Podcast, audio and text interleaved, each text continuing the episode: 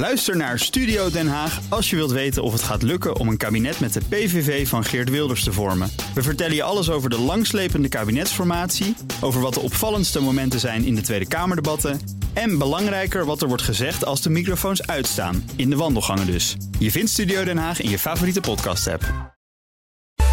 De BNR Techniek Tour wordt mede mogelijk gemaakt door Techniek Nederland. De ondernemersorganisatie voor de installatiebranche en technische detailhandel. BNR Nieuwsradio.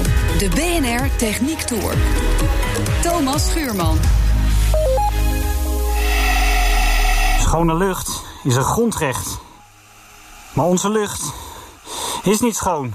Door fijnstof bijvoorbeeld. Wacht even, ik zet even dat ding af.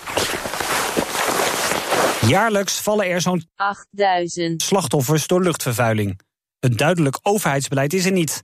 Vanuit de wetenschap en de markt zijn ondertussen initiatieven die troep als fijnstof en zelfs ultrafijnstof uit de lucht zuiveren. De grotere deeltjes die worden door de bovenste luchtwegen afgevangen.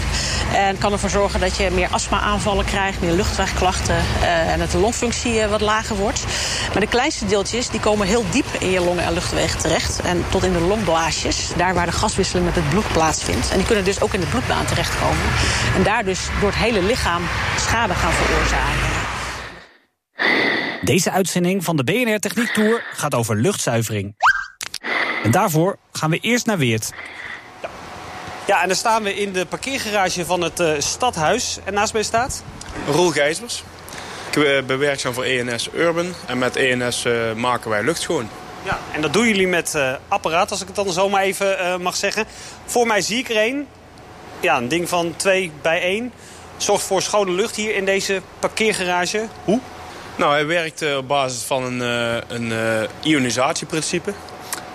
daarin kunnen we lucht en deeltjes die in de lucht zich in de lucht bevinden elektrisch laden. En daarmee sturen naar een opvangoppervlak waar dan die deeltjes, fijnstofdeeltjes neerslaan. Positieve ionisatie dus. Vervuilde deeltjes krijgen een positieve lading en worden opgevangen. We hebben te maken met grote luchthoeveelheden. De snelheid in het apparaat is, is best wel hoog. Um, Hoe hoog? En, uh, rond de 4 meter per seconde. Nou, Zo'n apparaat uh, in dit geval reinigt ongeveer 7.500 kub per uur. Nou, dit gaat dus met een, met een rotgang door het apparaat heen. En in die, in die seconde die je hebt, of misschien nog wel minder... moet je die, die lucht schoon krijgen. En dat gaat dan met een efficiëntie die tegen de, tegen de 70, 80 procent uh, zit. Het aantal fijnstofdeeltjes dat daarmee gevangen wordt? Ja, exact. Ja. Afhankelijk van de grootte. Het is ook een, op zich een vrij uitgebreid verhaal, maar uh, zo kun je het toch stellen. Ja.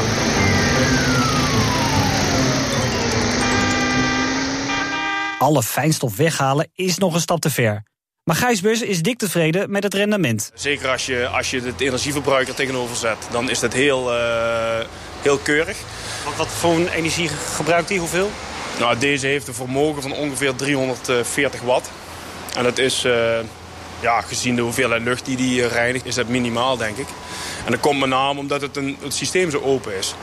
Dus hij, uh, als je met filters zou werken, fysieke filters... dan moet je lucht door een soort membraan heen drukken. En dat geeft heel veel weerstand. Nou, in dit geval is, het, is de, de box eigenlijk helemaal open. En, uh... Ik wilde wel even, in de, ik zat er net aan te denken, ik wil even er, er doorheen kijken, want dat kan uh, natuurlijk ook gewoon. Er zit een soort nou, stellage lijkt het aan de buitenkant. Ik zie daar zo draden, wat, wat zijn dat? Ja, dat zijn, Erin? dat zijn elektroden. Dat is de, we werken met een hoogspanning. Het is een, uh, het is een soort elektrostatisch principe. Uh, en die elektroden, daar wordt een, uh, een hoogspanning op gezet... waardoor je een elektrisch veld krijgt. En dat is waar die deeltjes worden geladen en gestuurd kunnen worden. Dus die ionisatie? Exact, ja. ja. En dan wordt het aan de buitenkant, wordt dat vieze deel voornamelijk opgevangen of hier op de ventilator? Nee, ja, wat je op de ventilator ziet is maar een klein beetje restant. Het, het, het gros van wat je, wat je afvangt, of eigenlijk alles wat je afvangt, wordt in het apparaat uh, uh, opgevangen. In het midden zit een, uh, een soort, ja, we noemen dat een collectorplaat. Een metalen plaat waar het stof op neerslaat. maar ook de buitenkant van de behuizing is eigenlijk een opvangoppervlak. En het mooie ook van het principe, dat is, het, uh, ja, dat is eigenlijk het, het, gevolg van ionisatie... is dat die, die fijne, fijne stofdeeltjes die gaan een soort um, bindingsproces aan. Dus die, zijn, die krijgen zo'n sterke binding dat ze samen klonteren tot een soort grove stof. Wat zo groot is dat, dat het voor mensen onschadelijk is om in te ademen. Ja, Dus dus het- aan elkaar gehecht blijft. Ja, ja exact. Het blijft, de stoffen die erin zitten zijn dezelfde als die in de lucht zitten. Dus dat kunnen nog steeds chemische stoffen zijn. Eh, nou, in zo'n parkeergarage zal het heel veel eh, eh, slijtage zijn van banden, remmen. Eh, natuurlijk ook wat uit de uitlaat. En dat zie je ook terug, want de stof wat erin zit is pikzwart. Laten we even naar de voorkant gaan. Dat is goed.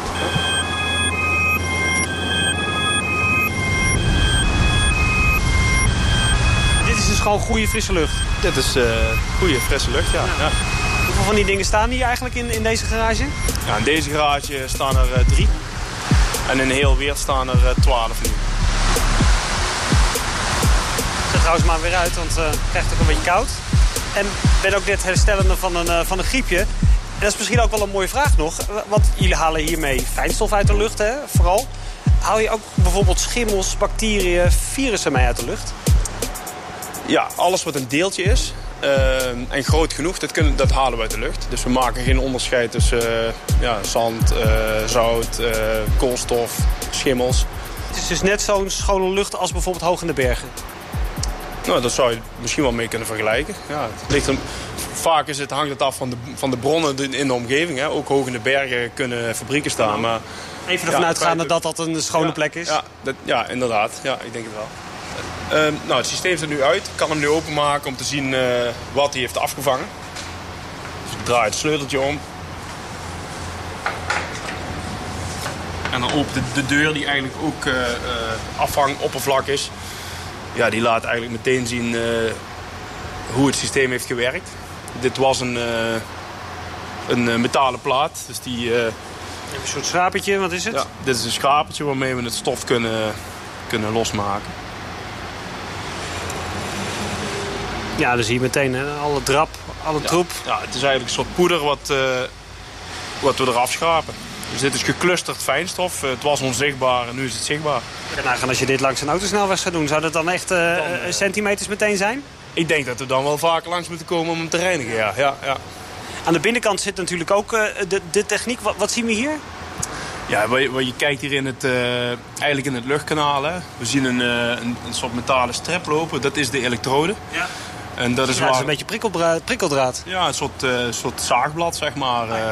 En die, die punten die, eh, die, zijn, eh, ja, die zijn nodig om het, om het elektrisch veld goed, eh, goed te laten ontstaan. Ja. Want dat is waar die, eh, die deeltjes worden geladen en eh, gestuurd naar, die, ja, naar deze deur bijvoorbeeld. De systemen worden zo'n één keer per twee maanden schoongemaakt. En daarbij wordt in Weert ongeveer een kilo opgehaald. Zowel fijnstof, tot 10 micrometer, als ultrafijnstof, kleiner dan 100 nanometer. Die veel minder massa hebben, dus moeilijker te vangen zijn. Maar wel met zeer vele zijn en veel dieper in het lichaam komen. Tot in de bloedbaan. De lucht die eruit komt is dus 70, 80 procent schoner. Hoeveel schoner is het überhaupt hier in deze parkeergarage, de lucht dan?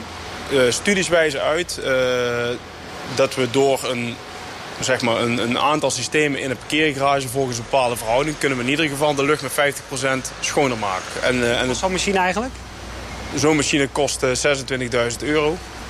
Ja, het, het is natuurlijk een grote investering. Alleen je moet hem ook zien in de tijd, denk ik. Het zijn machines die gaan, eh, die gaan makkelijk 15 jaar mee. Want het is in feite een kast met, met wat interne onderdelen... die, die soms wat natuurlijk vervanging nodig hebben. Maar dat zijn geen hele grote bedragen. Ehm, Maar het leidt wel tot de helft schonere lucht, als je het zo mag zeggen... in een toch hele vieze omgeving als een parkeergarage. Ja, ja dat klopt. Ja. En, het, en we weten dat het werkt. We hebben het al meermaals aangetoond met onafhankelijke onderzoeken. Eh, met name ook niet alleen het apparaat zelf dat werkt. Dat is, dat is op zich vrij eenvoudig te bepalen. Het gaat er met name om van wat, wat gebeurt er nou als je het in zo'n garage hangt. In de dynamiek van zo'n garage met ventilatie, rijdende auto's, eh, de stad eromheen. En wat gebeurt er dan met die lucht? Wie zijn auto in een parkeergarage in Weert parkeert, kan dus opgelucht ademhalen. U hoorde Roel Gijsbers van ENS. Wiens systeem trouwens niet met ventilatiesystemen te vergelijken is. Die pompen namelijk verse lucht binnen of sturen het een kant op bij bijvoorbeeld een brand. Dit systeem maakt lucht puur schoon. In deze parkeergarage staan er drie. Over de hele stad zijn het er twaalf, verdeeld over zes garages. En dat is voor een groot deel te danken aan de provincie. Weet wethouder Wendy van Eyck van Weert. Er is vanuit de provincie een programma opgestart... stedelijke ontwikkeling en versterking van de stadsharten. En dit is daar een onderdeel van, uh, van kunnen worden. Dus dat heeft ons ook in de gelegenheid gesteld... om daadwerkelijk over te gaan tot het aanschaffen van deze installaties. En toch, hè, ik denk dat de meeste wethouders of gemeentes of politici in Nederland... dit wel zouden vinden, maar een doen is een tweede. Waarom dan toch wel hier? Ja, omdat de resultaten dusdanig goed waren... Uh, we er toch voor hebben gekozen om die investering uh, te doen. En het levert aan de andere kant naast schone lucht... ook daadwerkelijk wel iets op met betrekking tot besparing op schoonmaakkosten, et cetera. Je ziet daadwerkelijk dat de omgeving ook minder vuil is. De lucht in Weert is aan de vieze kant. Hoog ook ten opzichte van de nog wat conservatieve EU-norm die dan weer 50% lager ligt dan de vervuilingsnormen die de WHO, de World Health Organization, hanteert. Wat dat betreft is het in elke gemeente ja, nog een beetje luchtfietserij. We hebben hier in Weert in ieder geval geen concreet beleid. Hè. Je toetst natuurlijk met verschillende initiatieven en investeringen naar hè, wat zijn de gevolgen met betrekking tot fijnstof en hoe probeer je fijnstof te reduceren, ook in het kader van mobiliteit, et cetera. Dus daar zie je wel een beleidsaspect. Maar dit is wel een, uh, ja, een redelijk innovatief concept, uh, wat nog niet veel wordt toegepast, maar wat voor ons in ieder geval wel werkt. Hoe komt het dat er geen duidelijke richtlijnen zijn? Ja, dat zou ik niet weten waarom er geen duidelijke richtlijnen zijn. Er zijn natuurlijk verschillende manieren waarop je fijnstof uit de lucht kan halen. Dus er zullen ook wel verschillende technieken voor beschikbaar zijn. Maar in combinatie met in dit geval de parkeergarages... Uh, geeft het in ieder geval een heel groot effect. Gemeente en provincie hebben voor de aanschaf gekeken naar een proef in Eindhoven. Longen van de stad. Twintig systemen waren daar op hotspots geplaatst. Dat leidde tot schonere lucht. Hoeveel precies? Nou, die conclusies moeten we nog even afwachten. Die worden nog gepresenteerd. Is techniek in dit geval een oplossing... of toch ook een, misschien een ja, labmiddel van het probleem, namelijk luchtvervuiling? Uh, als je praat over het grotere aspect rondom uh, duurzaamheid... moet je twee dingen doen. Hè. Je moet zou maar zeggen, zorgen dat je duurzaam gaat opwekken... maar je moet ook het verbruik, zal ik maar zeggen, terugdringen. En ik denk dat het hier ook geldt. Je moet er alles aan doen om in ieder geval de uitstoot van fijnstof... te voorkomen of te verminderen. Maar daar waar fijnstof aanwezig is... moet je zorgen dat het inderdaad ook goed gefilterd wordt. Dat gaat twee kanten op. Wethouder Wendy van Eyck van de gemeente Weert. Ook binnenshuis zijn er systemen die voorkomen dat al dat fijnstof zich nestelt in uw huis. Nieuwsradio. De BNR Techniek Tour. Welkom terug. We hebben het in deze uitzending over luchtzuivering. Koen Borre is van Fresh Air en maakt luchtzuiveringsinstallaties voor gebouwen. En we staan ja, voor, voor mijn gevoel bij een soort airco, maar dat is het natuurlijk niet. Wat is het? Ja, dit is, een, uh, dit is de Fresh Air. Dat is een ventilatiesysteem met warmteterugwinning. Dat is de kern van het, uh, van het apparaat. In die kast gebeurt best wel veel. Ja, La, laten we het dus proberen door te nemen. Ja. Eerst maar eens even van, hoe komt het hier binnen? Uh, nou goed, er gaat dus lucht, de, de, lucht die wij uitademen hier... en die hier geproduceerd wordt, hè, muffe, vuile lucht, uh, uh, vochtige lucht... die gaat naar buiten toe. En tegelijkertijd komt er door hetzelfde apparaat... komt de verse lucht van buiten. En op het moment dat de, dat de warme, vuile lucht naar buiten gaat... verwarmt die de binnenkomende verse lucht. Ja. Dus je krijgt eigenlijk... Kruisen elkaar. Die kruisen elkaar zonder elkaar te raken. En dat gaat door een warmtewisselaar. Daar zit um, koperdraad, 8 kilometer koperdraad zit erin. 8 kilometer? 8 kilometer. Ja, heel fijn koperdraad. Betekent dat je dus ook heel veel oppervlakte hebt. En koper um, geleidt natuurlijk goed. Ja. En, daar, uh, en die stromen die gaan vlak langs elkaar. Worden uh, middels uh, plastic schotten en 3D-printing, zo zijn ze gemaakt... Uh, wordt dat gescheiden, die twee stromen. Dus die, die temperatuurverschil hoeft maar een heel klein beetje afstand te overbruggen. Dus als het binnen 20 graden is en het is buiten 0 graden... dan is toch die verse lucht van 0 graden... op het moment dat die binnen is, is die 17 of 18 graden. En ik kan het hier ook zien, hè, dat hele fijne koperdraad... Dat maakt het systeem misschien ook wel gevoelig? Nou, nee, ja, de, de, die cassette, dat is een cassette die, uh, waar dat koperdraad in zit. Die is goed, die is goed beschermd. Um, de, de enige waar die in aanraking mee komt is lucht. Hij, natuurlijk vangt hij uh, stof en vuil af. Uh, het fijne daarvan is dat hij ook bijvoorbeeld pollen afvangt. Uh, uh, dus als je last ja, het hooikortseizoen komt weer aan, hè? Precies. dan heb je daar ook min, minder problemen en minder last van.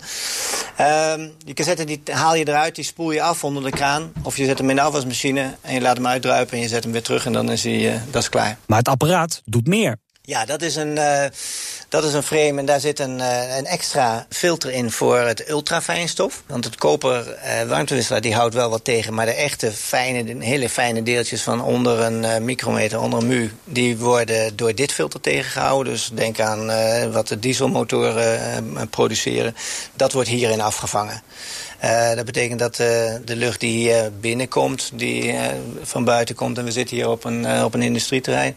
Ja. in een kantoortje.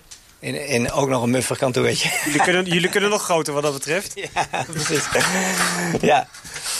Um, maar dus dat, ja, de, we houden het fijnstof, ook het ultrafijnstof houden we tegen met deze filter. Het apparaat heeft tot 90% minder energieverlies, zegt Borren... in vergelijking met normale ventilatie en houdt zeker tot 80% fijnstof tegen. Hij merkt dat steeds meer klanten ook bewust zijn van vieze luchtjes. Het is vraaggestuurd. Dat betekent dat, ze, dat er sensoren in zitten die bepalen hoeveel er geventileerd moet worden. Uh, dus dat hoef je niet aan te passen, maar dat past zich aan aan de situatie. Als binnen? Je, binnen. Ja, dus als je hier met meer mensen bent en je produceert meer CO2, dan gaat hij wat harder draaien. Ja. Als die uh, aangesloten is, uh, zeg maar als hier gekookt wordt en je produceert veel vocht, dan gaat hij wat harder draaien. Mm -hmm. We meten dus ook hoeveel vocht, hoeveel CO2, hoeveel fijnstof. Uh, de bewoner die kan ook zien op een app wat, ja, hoeveel CO2 er wordt afgevangen. Hoeveel vocht er wordt, wordt verwijderd. Er zijn huizen waar tot 8 liter op een dag verwijderd wordt... omdat er heel veel gekookt, heel veel gedoucht wordt. Maar ook hoeveel fijnstof er afgevangen wordt. Het is een kastje van een nou, kastje, een meter ongeveer, denk ik, bij, bij, bij 20 centimeter, 25, ja, iets zoiets. meer, zo tegen de 30 centimeter. Maar nu zit hij tegen deze muur opgeplakt, als het ware. Uh, cosmetisch zie je hem wel dus. Ja, deze, we hebben drie manieren waarop die geïnstalleerd kan worden. Dit is de, hoe noemen we de on the wall, dus die op de muur zit. Die, uh, die is makkelijk te installeren, dat is het voordeel. Want je maakt twee gaten, uh, boor je in de muur en, daar, en je hangt hem op en, en dan is het klaar. Hoe is hij dan in verbinding met de, buiten, met de buitenlucht? Ja, er zitten dus hier achter de, er zitten twee ventilatoren in boven en onder. Ja. Daarachter zitten de gaten. We ik kan dat zo ook even buiten laten ja, zien. Ja,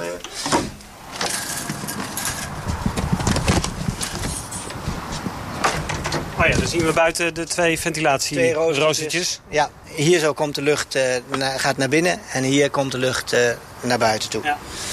En daarachter zit dus die uh, warmtewisselaar. Dus dit, dit, is wat je, wat je aan de buitenkant ja. hebt. Maar even terug dan naar de binnenkant, voordat we hier een koudje gaan vatten. Hij zit er nu dus tegenaan geplakt. Maar je kunt hem ook helemaal wegwerken? Ja, er zijn twee manieren. Um, kijk, als je een, de meeste huizen hebben een spouwmuur. En op het moment dat je de, het voorblad van de spouwmuur, dus de binnenkant... Uh, daar zaag je een gat in zo groot als de, als de fresher is. Dan plaats je hem erin en dan valt hij helemaal weg in de muur. Dat maar zo'n zo'n apparaat uh, uh, werkt voor de hele woonkamer? Jazeker, ja, ja. En bij Fresh Air kijken ze verder. Ja, we zijn wel bezig om dit te gaan combineren met verwarming in de toekomst.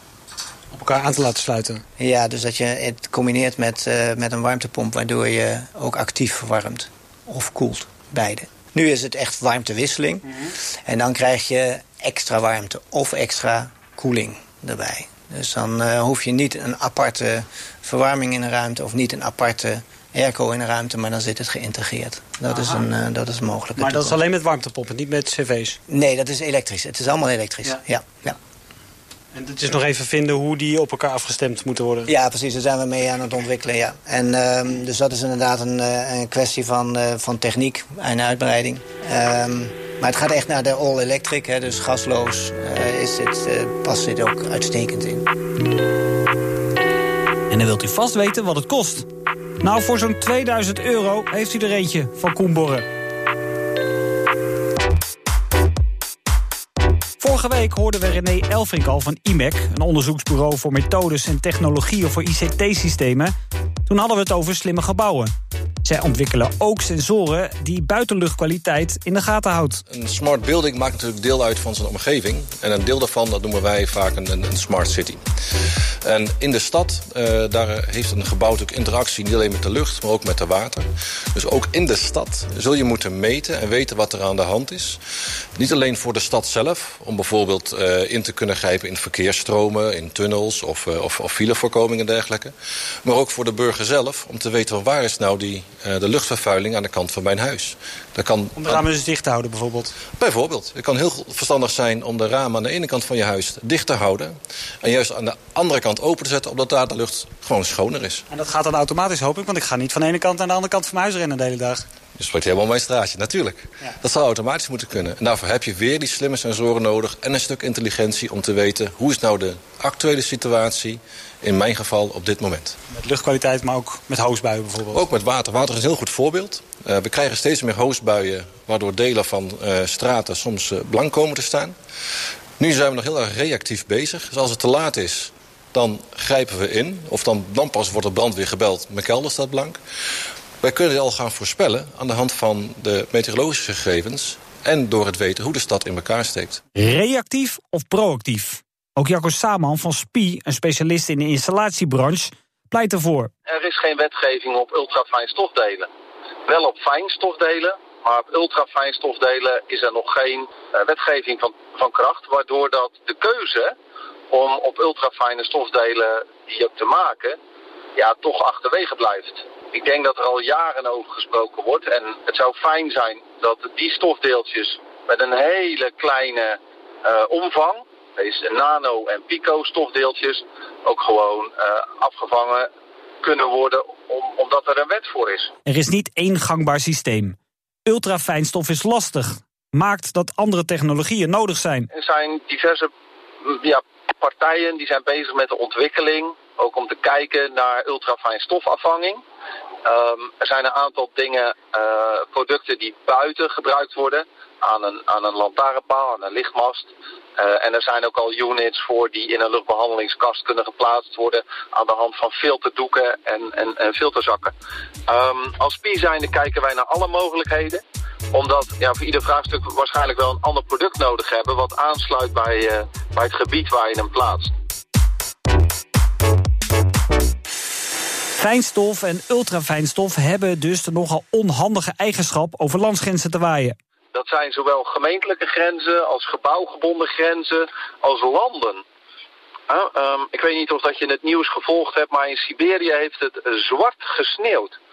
En die zwarte sneeuw komt voort uit um, koolstofvlokjes die dan ja, vanuit de lucht um, het stof binden en dan zo naar beneden vallen.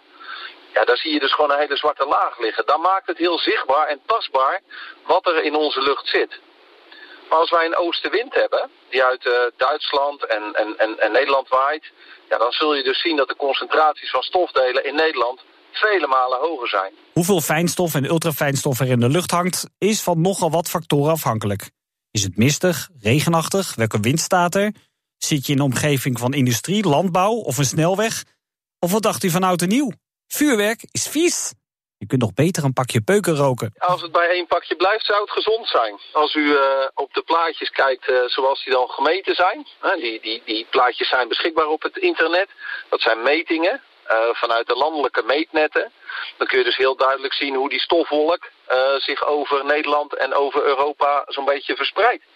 En dan, um, ja, dan, dan vinden wij dat dus ook goed dat er een, een debat op gang komt en een, een dialoog ontstaat waardoor dat we met elkaar dit thema kunnen bespreken. Omdat we uiteindelijk de zorg wel naar beneden willen halen en willen verbeteren... Ja, zullen we toch eigenlijk moeten zorgen dat we wat, wat schonere luchten ook gaan inademen. Maar het grootste probleem is dat er geen duidelijke wetgeving is, zegt Saman. En een van de uitdagingen die wij tegenkwamen was dus dat we een, uh, een producent... eigenlijk een, een, een, een professor hebben gevonden die dus zo'n ultrafijn stof uh, uh, product heeft...